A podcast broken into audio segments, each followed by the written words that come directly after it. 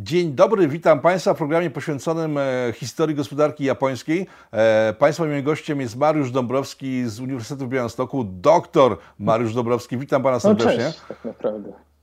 Cześć.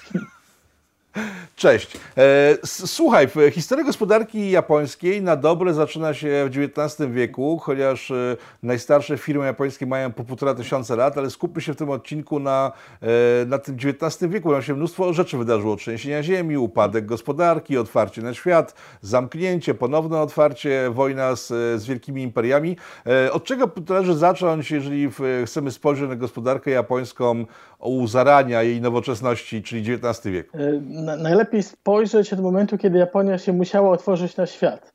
Bo warto tutaj e, e, zwrócić uwagę, że Japonia przez ćwierć tysiąclecia była zamknięta, prowadziła e, politykę izolacji. Zresztą to nie tylko typowe dla Japonii, bo również Chiny czy Korea e, pro, prowadziły podobne polityki e, i nie najlepiej się to skończyło. E, Jaki był powód tej, tej, tej polityki izolacji? Przecież Japonia była wyspą, więc mogła w naturalny sposób się chronić przed, przed zewnętrznym światem, nie tak jak Chiny stawiające mur, mur chiński, co spowodowało pomysł wyizolowania A, to jest ciekawe, bo powód zamknięcia i otwarcia jest mniej więcej ten sam, czyli chodzi o zagrożenia zewnętrzne.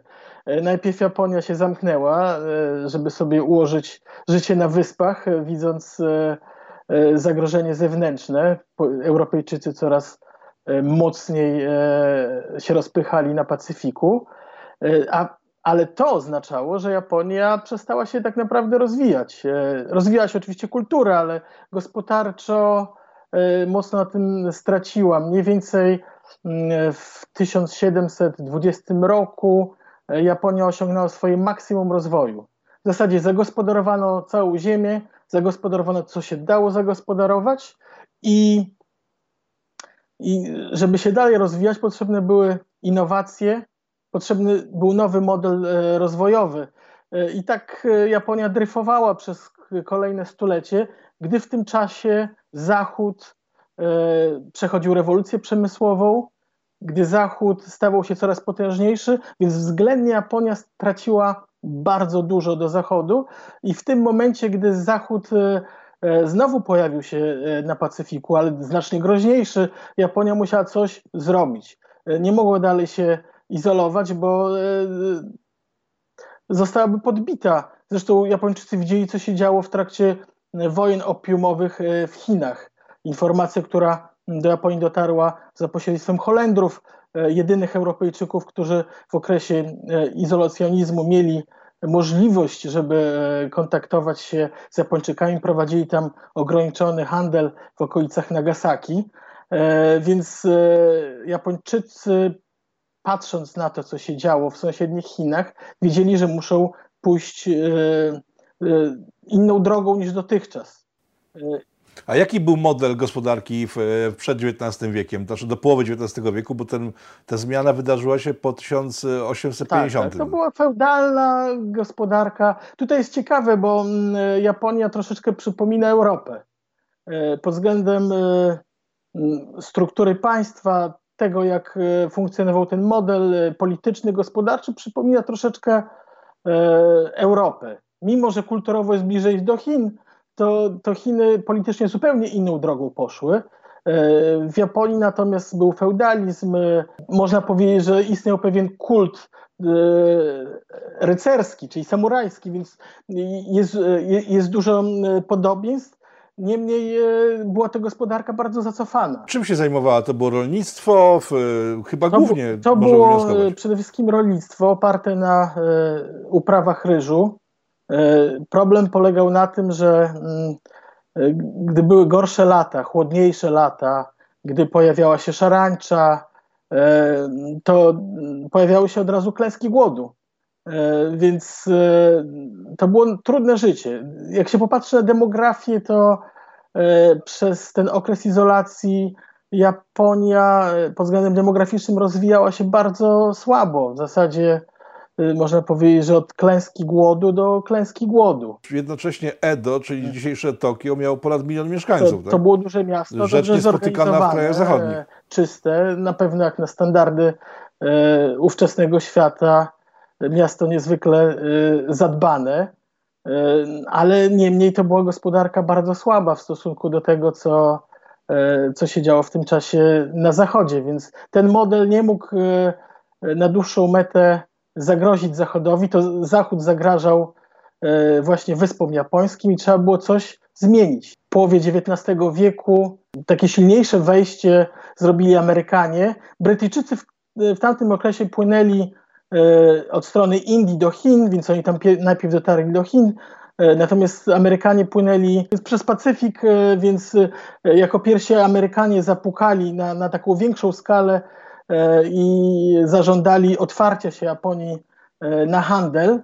E, zresztą nie tylko Amerykanie tego chcieli, bo i tam się pojawiali Rosjanie, pojawiali się Francuzi, no, byli cały czas Holendrzy, gdzieś mieli te, to prawo ograniczone handlu, więc presja była ze wszystkich stron ogromna.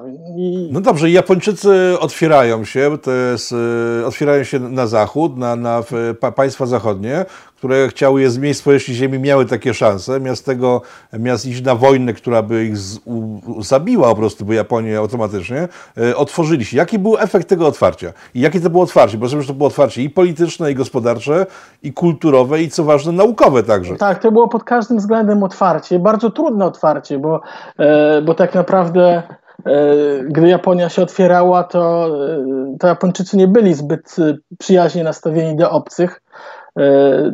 Było tam dużo ksenofobii. Wciąż jest. Powiedzmy, że wtedy może było więcej niż dzisiaj, ale, ale to Japonia się zmieniała, bo po okresie e, takiego wrogiego nastawienia do Zachodu, później przyszedł okres zachłyśnięcia, zachłyśnięcia się Zachodem, do czego za chwilę e, dojdę. E, niemniej e, w 1854 roku Japonia podpisuje pierwszy traktat międzynarodowy ze Stanami Zjednoczonymi. E, traktat o, o przyjaźni e, i później, rok później podpisuje z Rosją e, dotyczący handlu. Tam między innymi się ustala granice Wysp Kurylskich.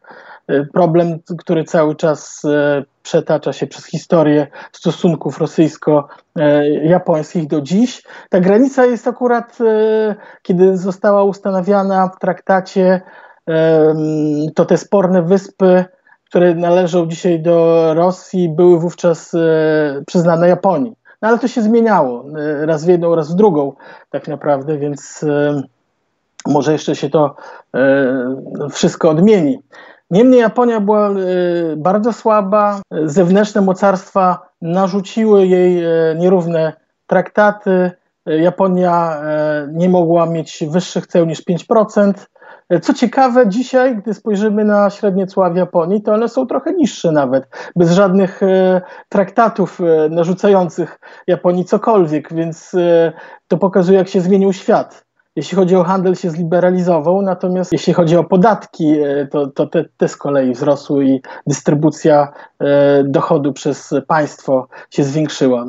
Kiedy jesteśmy przy wieku XIX, pojawiło się nazwisko Komodora Perego. Kim hmm. był Komodor Pery?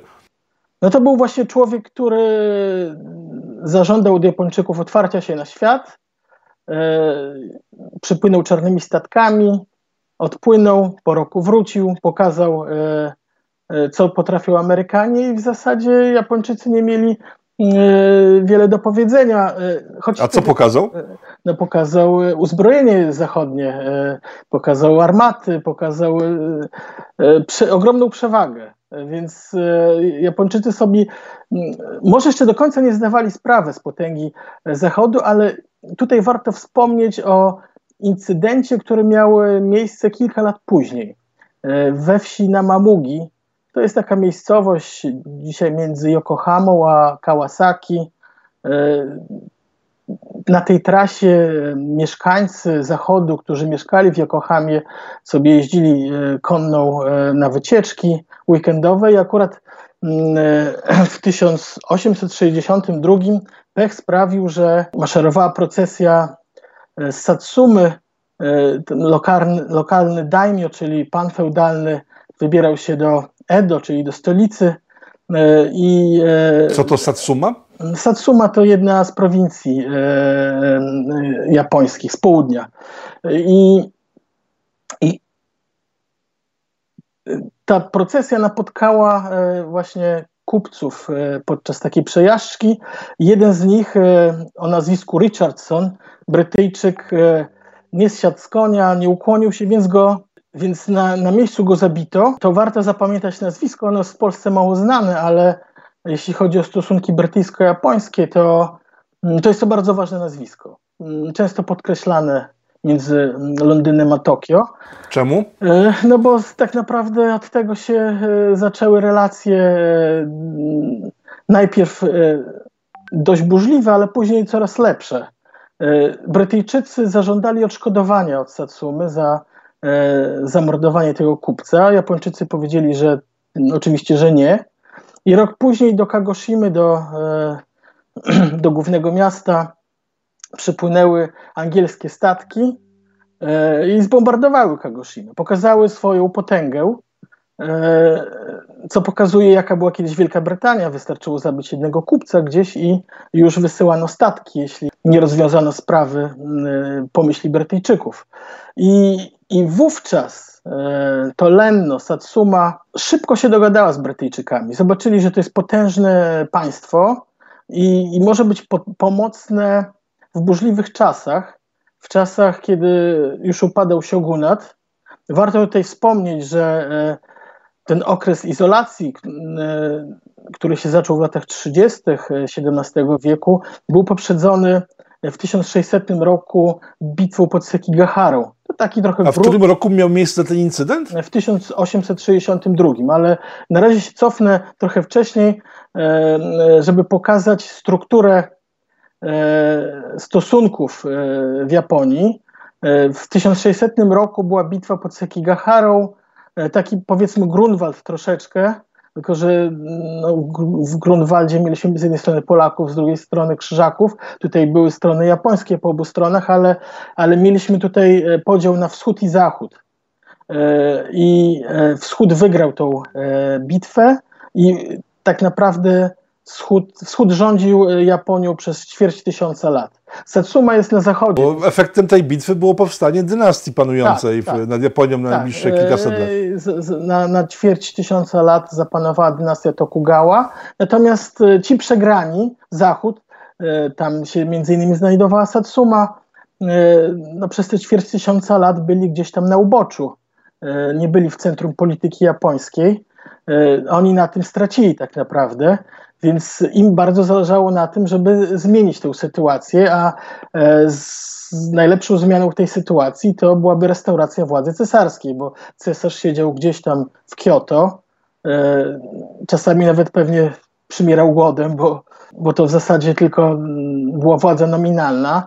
E, realna władza była w rękach siogunów w Edo, więc tu się wszystko wiąże po tym incydencie z zabiciem kupca brytyjskiego, bo Satsuma, która była na zewnątrz, widzi swoją szansę, że, że opowiadając się po stronie restauracji cesarskiej, to ona może być w centrum y, politycznym. E, na zewnątrz w jakim sensie? Bo mieliśmy taki układ, że wschód zwycięski był takim kręgiem wewnętrznym, a ci, co przegrali, byli, można powiedzieć, kręgiem zewnętrznym. Czyli e, polityka się głównie kręciła E, wokół prowincji wschodnich. On... A oni byli podporządkowani e, politycznie centrum, okej, okay, rozumiem. Choć na tyle byli daleko geograficznie, bo to wyspa Kyushu, e, mieli też z wyspami Ryukyu, czyli Okinawą, dobre relacje, że oni w zasadzie prowadzili też własną politykę handlową, o czym centrum nie wiedziało, więc oni, to była bogata prowincja, ale po tym, co Brytyjczycy im pokazali, to oni się szybko dogadali z Brytyjczykami. I już nie będę tego rozwijał, bo to długa historia, ale generalnie, e, gdy upadał siogunat i e, była restaurowana władza cesarska, to ci, którzy byli na zewnątrz, w tym kręgu gorszym, można powiedzieć, nagle się stali w centrum władzy politycznej. Kiedy to miało miejsce? To były lata 60. XIX e, wieku. Więc... Wstęp, czyli wstęp do historii, o której dzisiaj mówimy, tak, rozwoju tak, gospodarczego Japonii. Tak, więc e, jest bardzo burzliwy okres, który ostatecznie siły cesarskie wygrały. Mamy restaurację władzy cesarskiej w 1868 roku. Wszystko się zmienia. w siogunacie ci, którzy byli blisko władzy, teraz już blisko władzy nie są. Ci, którzy byli w tym zewnętrznym kręgu, są teraz w tym kręgu cesarskim najbliżej i stamtąd pochodzą najbardziej znamienite postacie polityki E, japońskiej. Wybucha też wojna domowa między wschodem i zachodem, tak z grubsza można powiedzieć. Ci, którzy byli w cieniu do tej pory, potwierdzają swoją supremację e, i, i tak w zasadzie się z grubsza, nie wnikając za bardzo w szczegóły, z, zaczyna się otwarcie e, Japonii na świat. Jest cesarz. No dobrze, jest przesilenie, Japończycy hmm. muszą się otworzyć, mniej więcej mamy zarys hmm. tego, co się wydarzyło i w jaki sposób zrozumieli, że Zachód no, ma przewagę. E, I co się dzieje dalej? Co następuje na początku? Czy to, jest, czy to są kwestie e, gospodarcze, czy naukowe właśnie, czy może militarne, czy wszystko naraz? Co się dzieje w poszczególnych latach, patrząc do tego 1860 e, roku, kiedy wszystko już rusza pełną parą, żeby w ciągu 40 lat najbliższych zaowocować ogromnym rozwojem gospodarczym? Mamy restaurację władzy cesarskiej, w latach 60. XIX wieku, a już e, w 1671 Japończycy wyruszają w świat, żeby poznać, e, jak ten świat jest zorganizowany. E, co najlepiej sprowadzić? Wcześniej Japończycy dużo kopiowali z Chin, ale kopiowanie z Chin było tyle łatwe, że to, była, to był jeden organizm E, dość jednorodny mm, i łatwo było kopiować. Natomiast Zachód jednorodny wcale nie był. E, państwa zachodnie się między sobą mocno różniły, więc e, konkretnie coś z danego państwa. Zrozumieć, jak funkcjonuje Europa i Stany. I w 1871 wyruszyła taka słynna misja Która Iłakury, zaczyna się od kopiowania, która... bo skopiowano brytyjski statek no wojenny, tak. który był flagowcem całej reszty. No oni kopiowali dużo rzeczy, zaraz o tym powiem. Cała misja trwała dwa lata. To w ogóle jest pewien ewenement, wydaje mi się, w ogóle w historii światowej, bo czołowi politycy wypływają z misją e, i jak gdyby powierzają e, rządzenie państwem swoim podwładnym w pewnym sensie, a później wracają na swoje pozycje, tak? Więc e, to, to jest niesamowite. Więc ta misja wypływa na dwa lata dookoła świata, żeby poznać Stany Zjednoczone, Europę i kopiują różne rzeczy. W Stanach Zjednoczonych na przykład kopiują dolary amerykańskie. Jeśli popatrzymy na jeny japońskie z drugiej połowy XIX wieku, to one są wierną kopią dolarów amerykańskich. E, różnica polega na tym, że na dolarze amerykańskim mamy Hernando de Soto, który mm, wjeżdża na terytorium Indian, e, dokonuje podboju Ameryki Północnej, natomiast e, na jenach japońskich jest cesarzowa Jingu, która z kolei wjeżdża na Półwysep Koreański, więc, ale to, to są jedyne różnice. Poza tym nawet kolorystyka jest identyczna, więc, więc tutaj Japończycy mają też nosa, bo w owym czasie mm, walutą dominującą na świecie był funt brytyjski, a oni już wybrali wtedy dolara jako kopię. I jak gdyby przewidzieli, że to kiedyś może dolar będzie dominować światem. I płyną dalej, płyną do Wielkiej Brytanii, z Wielkiej Brytanii kopiują e, marynarkę wojenną, e, technologię wtedy Wielka Brytania jest e, u szczytu potęgi gospodarczej.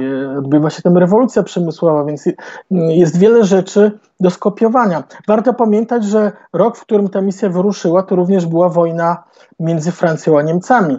Na początku Japończycy szukali wzorców francuskich, na przykład w armii, ale gdy zobaczyli, że Niemcy pokonali Francuzów, to od razu się przerzucili na model niemiecki.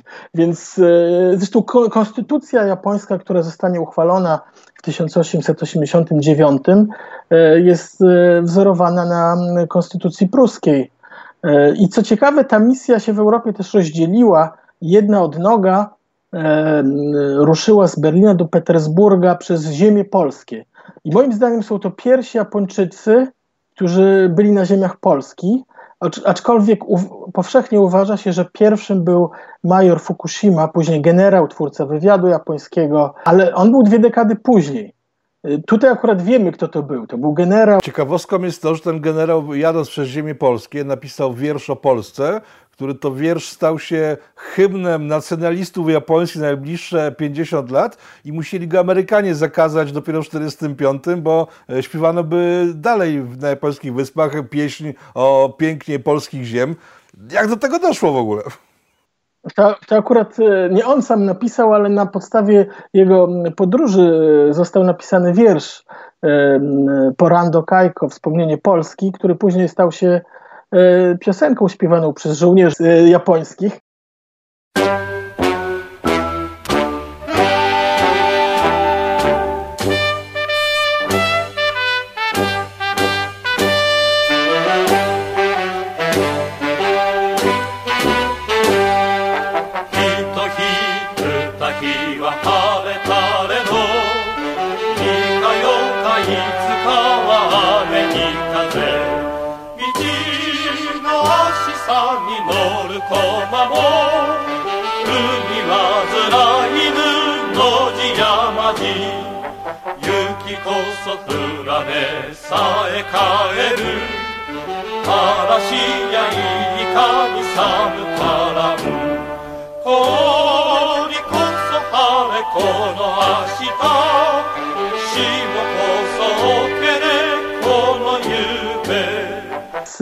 Śpiewano o, o Polsce, tak? O, o trudnych czasach e, Polski pod zaborami, zniszczonej bardzo. E, to miała być przestroga dla Japończyków, jak może wyglądać kraj, jeśli obce siły go najadą. Więc to, ten okres, kiedy e, Japonia robi wszystko, żeby się, żeby nie zostać podbita przez Zachód, to, to, to jeszcze ten wiersz i pieśń, wspomnienie Polski, E, zresztą, co ciekawe, jeśli się rozmawia z Japończykami, którzy cokolwiek wiedzą o Polsce, to większość z nich wie coś o zaborach. To akurat te zabory gdzieś zostały silnie zakodowane e, w historii japońskiej. E, zresztą w Chinach podobnie w, pod koniec XIX wieku straszono tym, co się stało w Polsce i, i, tym strasznym państwem, które zniszczył Polskę, była Rosja, czyli państwo graniczące wtedy z Chinami. Więc gdyby te zabory dały do myślenia całej Azji. Mariusz Wyca mówi o Japonii, bo dzieli swoje życie między Białystok a Fukushima, w której jego żona ma swoją rodzinę, także ma bezpośredni kontakt z Japończykami, no tak. a zdjęcie za jego plecami to jest jeden z pochodów e, samurajów, e, rytualny co roku odbywany taki Marsz Niepodległości Japoński, e, w którym Mariusz, wasz dzisiejszy gość, był pierwszym polskim uczestnikiem i chyba jak na razie ostatnim, tak? Znaczy, powiedzmy, może wyprostuję kilka rzeczy. To zdjęcie pochodzi e, z festiwalu Soma no Maoi. To jest e, święto samurajskie, trzydniowe, e, o ponad tysiącletniej tradycji. W Fukushimie właśnie jest taki był klan Soma. Dzisiaj to się nazywa miejscowość Soma i Minami Soma, wcześniej się nazywała Nakamura. Tam były jakieś manewry wojskowe, łapanie dziko biegających koni, więc do dzisiaj przetrwała trzydniowa tradycja no miałem zaszczyt i przyjemność uczestniczyć w tym nie jako widz, ale jako je, jeden z samurajów. E, nie słyszałem, żeby inni Polacy w tym uczestniczyli. Kto wie, choć biali tam się zdarzali, ale, ale rzadko. Jak uczestniczyłem w tym pochodzie, to e, wszyscy Japończycy, którzy mnie widzieli, bili mi brawo, bo to pojawił się gaijin, tak? A to są przecież potomkowie samurajów, to jest duża też kawaleria, licząca około 500 jeźdźców e, na koniach i tam też jest piechota, więc no ale jak się ma żonę Japonkę, to myślę, że ułatwia to bardzo sprawę. No to ułatwia, bo tam nie jest też, nie wiem czy łatwo, czy trudno wejść, ale e, trzeba po prostu znać ludzi, od których się dostanie zaproszenie do tego, bo inaczej nie da się Wróćmy, wróćmy do ekspedycji japońskiej. Byliśmy już w Anglii, gdzie skopiowano flotę, w Stanach rozumiem system finansowy, E, konstytucja mm. z Niemiec oraz e, siły wojskowe, kopia z Niemiec. I pojechali do Rosji przez ziemię polskie, o czym wspomnieliśmy. Co znaleźli w Rosji ciekawego? Nie wiem, czy coś z Rosji, czy coś było warto, warte skopiowania. To, to akurat Rosję jako pierwszy kraj zachodni został, jeśli oczywiście Rosję można uznać za kraj zachodni, ale z punktu widzenia akurat Azji Rosja jest krajem zachodnim, e, no to akurat to była pierwsza ofiara e, w 1905 pod Tsushimą. No ale to parę lat później. To parę lat później. E, no niemniej wrócili w 1873 na Wyspy Japońskie i zaczęto wdrażać to, co zobaczono Więc państwo zaczę, zaczęło budować cały przemysł od podstaw. Można powiedzieć, że budowano fabryki modelowe, brakowało kapitału prywatnego, więc wszystko się zaczęło od państwa, ale E, okazało się, że państwo nie potrafi tym dobrze zarządzać, więc e, dekadę później już wszystko prywatyzowano, więc e, prywatni właściciele lepiej zarządzali tym niż państwowi. Wtedy też rodziły się grupy przemysłowe, pewne rodziny zwane Zaibatsu. Rodziła się potęga Mitsubishi, Sumitomo, Mitsui, E, tutaj warto z, z, zatrzymać się przy Mitsubishi, bo tutaj też e, u zarania powstania tej firmy udział brali e, Europejczycy. Nagasaki osiadł niejaki Szkot Thomas Glover, który jako pierwszy wprowadził kolej parową do Japonii, e, zaopatrzył statek, e, marynarkę wojenną nowoczesny i e, pomagał rozwijać ten koncern. Zresztą w Nagasaki było dużo Szkotów, którzy pracowali w przemyśle stoczniowym. Założyli tam, co ciekawe, lożę masońską. I, i do dzisiaj jest właśnie taka zagadka, czy nie wiem jak to ująć, pewna teoria, czy czy symbol Mitsubishi jest symbolem masońskim na przykład, tak? So, e, e, czy stąd się to nie wzięło? No, no mniejsza z tym. Wa warto e, poszukać. E, powstały wielkie grupy kapitałowe, rodzinne. Dzisiaj one wyglądają zupełnie inaczej, bo te rodziny zostały zastąpione przez instytucje finansowe po II wojnie światowej. Jeśli gdzieś mielibyśmy szukać analogii, to to szybciej byśmy znaleźli w Korei Południowej i koreańskie czebole były, są dzisiaj może trochę podobne do tego, e, co wówczas Japończycy e, tworzyli. Warto wziąć pod uwagę, że, że te wielkie grupy przemysłowe też wspierały japoński militaryzm. Później zresztą nie miały specjalnego wyboru, bo historia była też w latach 30. troszeczkę podobna jak w Niemczech czy we Włoszech tu, tu, tu jest ciekawe, że, że w latach dwudziestych jeszcze Japonia była krajem takim wolnorynkowym, leseferystycznym. Ale mówimy o wieku XX już. Już w wieku XX, tam w zasadzie jeśli chodzi o wiek XIX, to, to w latach 70. mamy fa fabryki wzorcowe, w latach 80. kapitał prywatny dochodzi do głosu, później jest uchwalona konstytucja, E, w latach 90. E, przeciętni Japończycy dopiero za, za, zaczynają zauważać e, korzyści płynące z przemysłu, bo nam się wydaje, że jak się buduje fabryki, to, to te zmiany następują natychmiast, ale one tak naprawdę były odczuwalne dwie dekady później. No, te zmiany szły tak nie mniej gwałtownie, że ci, którzy wspierali cesarza, E, aż się zbuntowali w pewnym momencie. Czemu się zbuntowali? Przecież jeżeli jest dobrze, rozwijamy się, bogacimy. E, rozumiem, że poszło o tradycję, która nie została zachowana. No tak, klasa samurajska została jak gdyby zdegradowana. Zniesiono Lenna, e, zastąpiono je prefekturami. To oczywiście też miało duży Mm, e, pozytywny wpływ na gospodarkę, bo między tymi prowincjami e, były normalnie granice celne. Dzięki temu, że to wszystko zniesiono, to Japonia stała się mm, jednym organizmem. Bo wspomnimy o tym, bo mówiłeś, wspominałeś o tym, że władza centralna pojawiła się, a to wynikało z tego, że zniesiono wszelkie prowincje e, i zniesiono właśnie granice, o których wspominasz. W związku z tym państwo mogło operować na, na terenie całości, tak? I, I, tam wiele innych wątków wprowadzono. Armię poborową, czyli jak gdyby wieśniacy nagle się pojawili w armii, gdzie, e, gdzie to było zawsze zajęcie dla elit, dla samurajów, więc jak gdyby e, elity samurajskie zostały e, zdegradowane. Zresztą e, troszeczkę opowiada o tym film Ostatni Samuraj. Ile on jest rzetelny? Czy to jest tylko fikcja fabularna, czy, czy można traktować go jako jakiś odnośnik do wiedzy? On jest e, e, fikcją fabularną, ale odwołuje się też do mm, e, e, faktycznych e, wydarzeń. Bunt w Satsumie właśnie opowiada o tym. Tam, tam były takie sceny, Lord Katsumoto, tak się chyba nazywał, grany przez Kena Watanabe, E, to był jeden z tych buntowników, który stał lojalnie za cesarzem, ale, ale te zmiany szły tak daleko, że, że scenie finałowej filmu doszło do konfrontacji.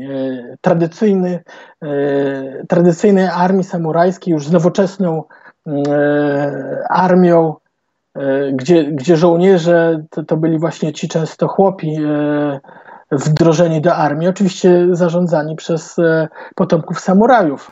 Jak ten bunt wyglądał? Kto go zapoczątkował? Jak to się rozwijało i jak się skończyło? Bo rozumiem, że ten film pokazuje, że skończyło się tragicznie dla starej kultury, no ale jednocześnie, jeżeli dochodzimy do XX wieku, to jest 1905, to jest Tsushima, czyli, czyli ta tradycja samurajska przeniosła się na nowe narzędzia, ale Japończycy chyba mogli być dumni ze swoich osiągnięć militarnych. No to ten bunt, bunt w sumie był w latach 70. XIX wieku, więc dużo wcześniej, zanim e, pokonano e, Rosjan. I to się mniej więcej skończyło, tak jak e, w filmie Ostatni Samuraj, postać graną przez Kena Watanabe.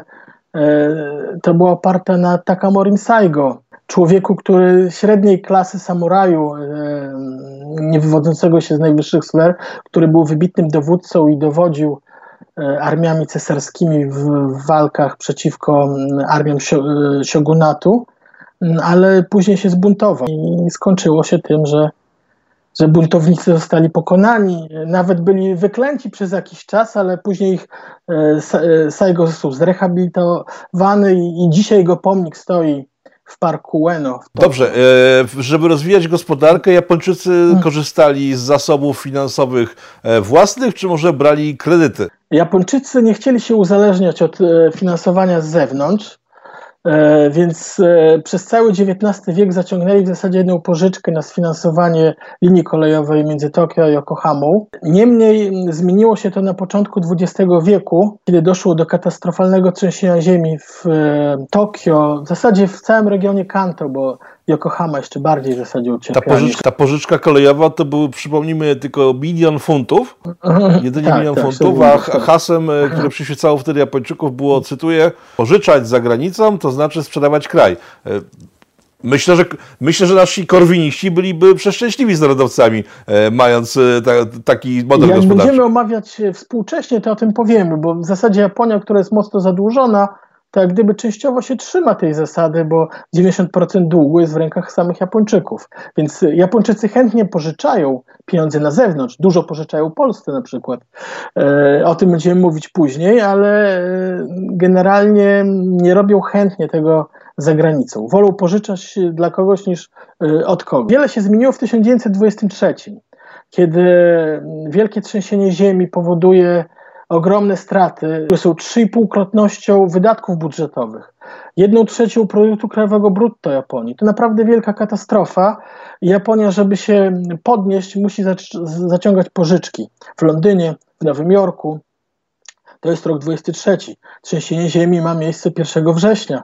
E, w tym czasie, w, w, październiku w Niemczech, mamy nieudany pucz monachijski. Wydarzenia, które będą miały znaczący wpływ na historię na obu krańcach Eurazji. E, Japonia już się z tego nie może podnieść, e, bo w, kilka lat później, w 27 jest panika bankowa, później w 29 dochodzi do światowego kryzysu gospodarczego i 30, mamy lata 30 w 31 armia kwantuńska zajmuje Mandżurię i od tego momentu w zasadzie armia przejmuje coraz bardziej władzę nad gospodarką. I, i tutaj jest dużo analogii do Niemiec czy Włoch e, Chińczycy ten właśnie rok określają rokiem początku II wojny światowej, bo dla nich II wojna światowa zaczęła się wtedy, kiedy Japończycy wkroczyli. Ale zanim dojdziemy do II wojny światowej, której będzie poświęcony kolejny odcinek naszych spotkań, e, cofnijmy się do I wojny światowej, bo tak jak już przeskoczyliśmy, jak, jak wyglądał e, udział Japonii w tym konflikcie, jeśli w ogóle wyglądał, e, i jak ta gospodarka zareagowała na duży kryzys, jakby nie patrzeć, na zachodzie, w zachodniej Europie, w Europie, Europie i Stanach? W zasadzie to nie była wojna Japonii. To, to był początek samobójstwa Europy i Japonia tak naprawdę skorzystała na tym, bo przejęła tereny zajęte przez Niemcy wcześniej, więc to też nie jest tak, że Japonia i Niemcy to, to byli sojusznicy tacy dobrzy, tylko Japończycy, jak była okazja, to przejmowali to, to co było niemieckie w Azji.